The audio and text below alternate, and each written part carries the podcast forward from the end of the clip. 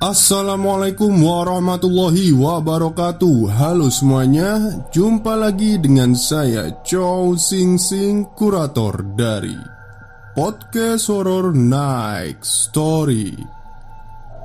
Halo apa kabar semuanya? Semoga kalian pada sehat semua ya.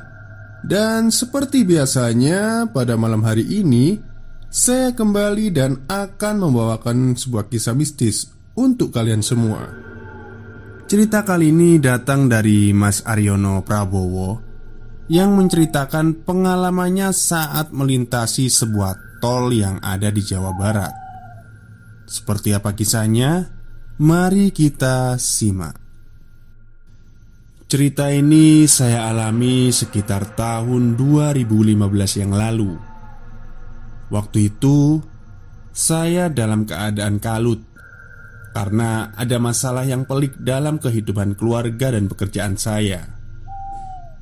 Itu membuat saya selalu dalam kesedihan dan putus asa, sehingga apabila masalahnya sudah begitu berat dan sangat mengganggu pikiran, untuk menenangkan hati, saya pergi ke sebuah pesantren di daerah Jatinangor Pemilik pesantren tersebut adalah kawan baik saya. Jadi, dia ini belajar di Kairo. Sepulang dari sana, dia menjadi dai dan mengajar di pesantren tersebut. Biasanya, bila saya ke sana itu, saya ikut belajar mengaji dan mendengarkan anak-anak santri yang sedang mengaji juga.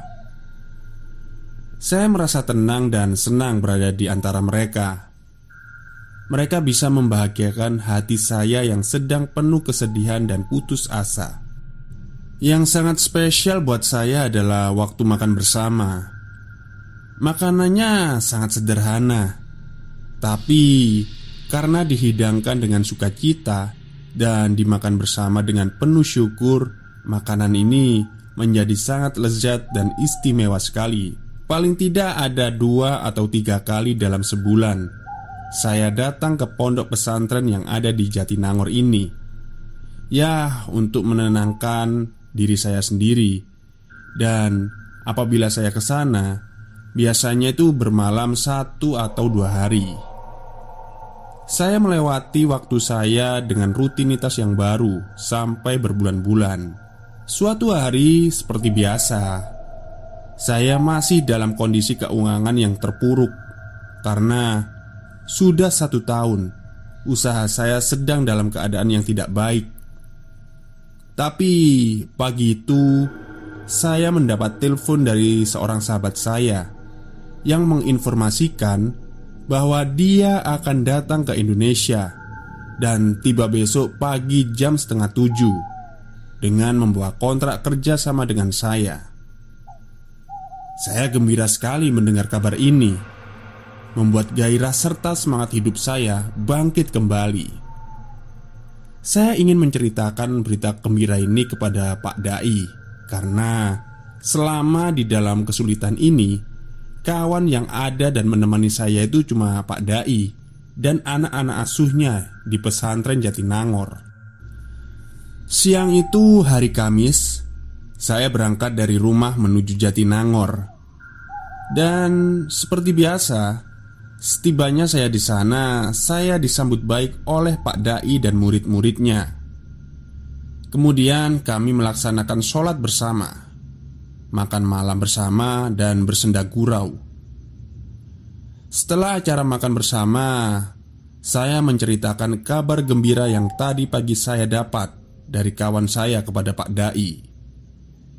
Mendengar kabar tersebut, Pak Dai juga turut bergembira dia memberikan saran-saran kepada saya agar selalu berdoa dan bersyukur, serta jangan meninggalkan kewajiban sholat lima waktu. Tanpa terasa, jam sudah menunjukkan pukul 9 malam.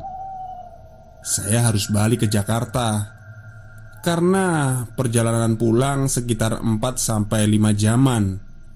Dan besok pagi saya juga mau menjemput kawan saya di airport Cengkareng. Setelah berpamitan, saya pulang melintasi kawasan perkebunan dan melewati sebuah kampung sebelum sampai ke pintu tol Cipularang. Pada saat saya masuk pintu tol Jatinangor, jam menunjukkan hampir jam 10 malam. Pada saat itu, cuaca cerah dan suasana masih agak ramai. Masih banyak kendaraan. Jenis truk juga banyak yang melintas di jalan tol tersebut. Sudah menjadi kebiasaan saya dalam berkendara di jalan tol.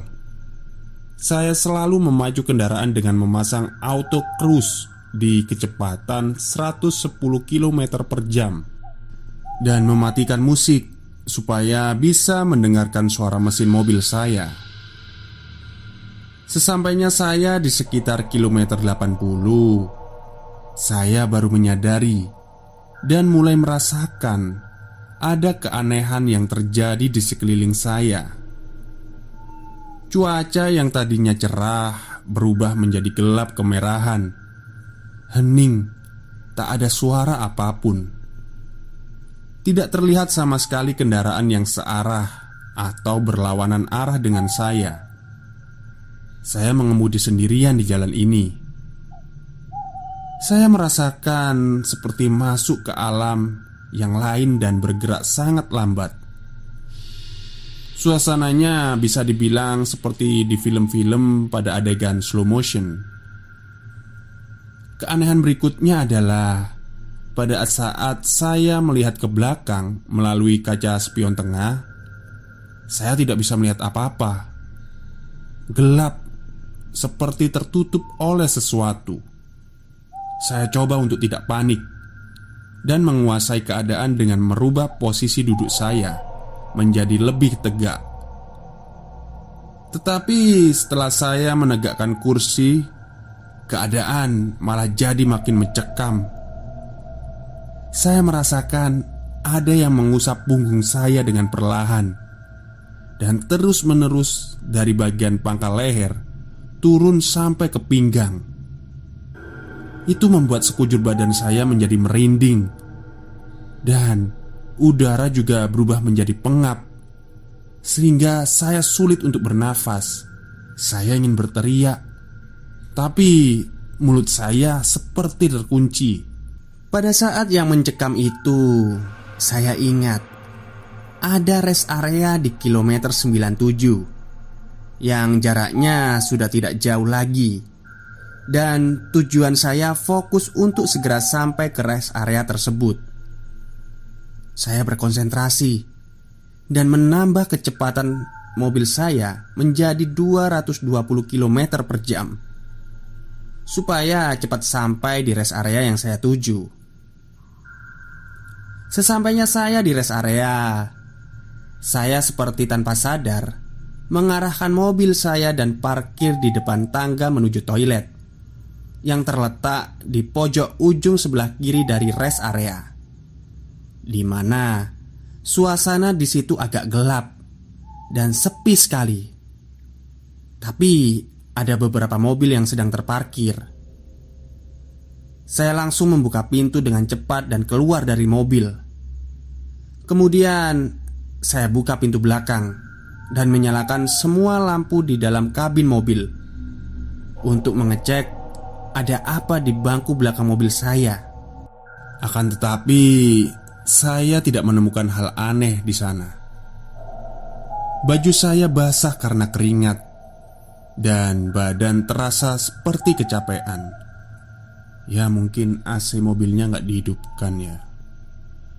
Setelah saya bisa menenangkan diri, saya mulai mengemudi lagi keluar dari rest area.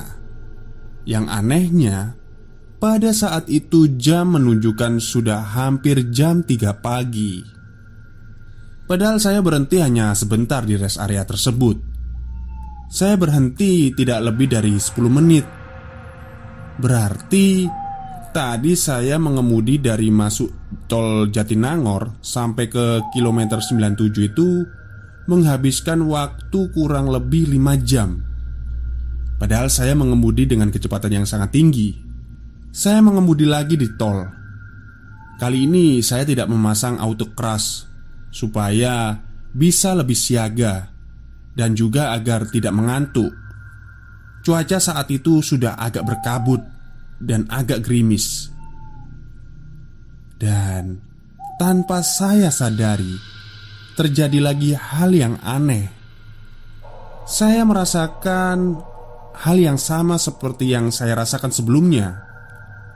Sekujur tubuh saya merinding lagi, tapi bedanya udara tidak pengap, malah berubah menjadi wangi. Dan pada saat saya melihat ke belakang melalui kaca spion, saya melihat di belakang saya itu ada sosok yang duduk persis di tengah-tengah jok belakang.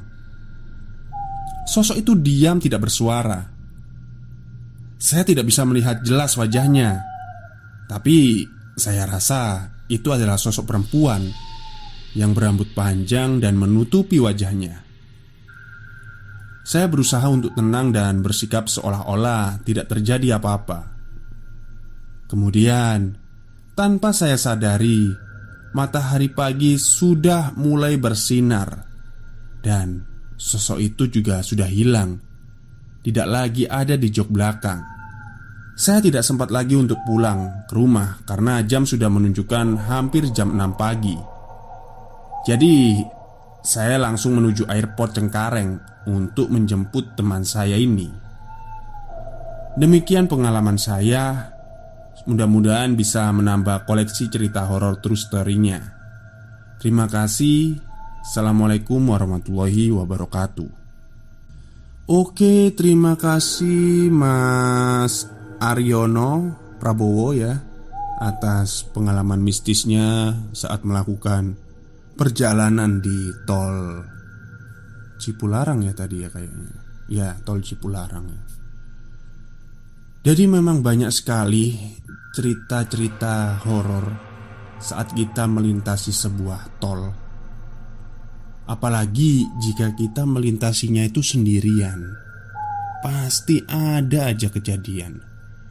Entah itu sugesti atau apa ya, pikiran kita sendiri yang uh, membuat takut itu. Tapi memang kebanyakan orang memang mengalaminya kalau saya sih Alhamdulillah Kalau saya ke tol itu mesti rame-rame nggak pernah sendirian ya. Karena saya juga nggak bisa nyetir mobil. Oke mungkin itu saja cerita pada malam hari ini. Mohon maaf jika uh, ceritanya pendek ya Tapi tak masalah lah Buat ya sekedar teman tidur Oke, mungkin itu saja ya. Selamat malam dan selamat beristirahat.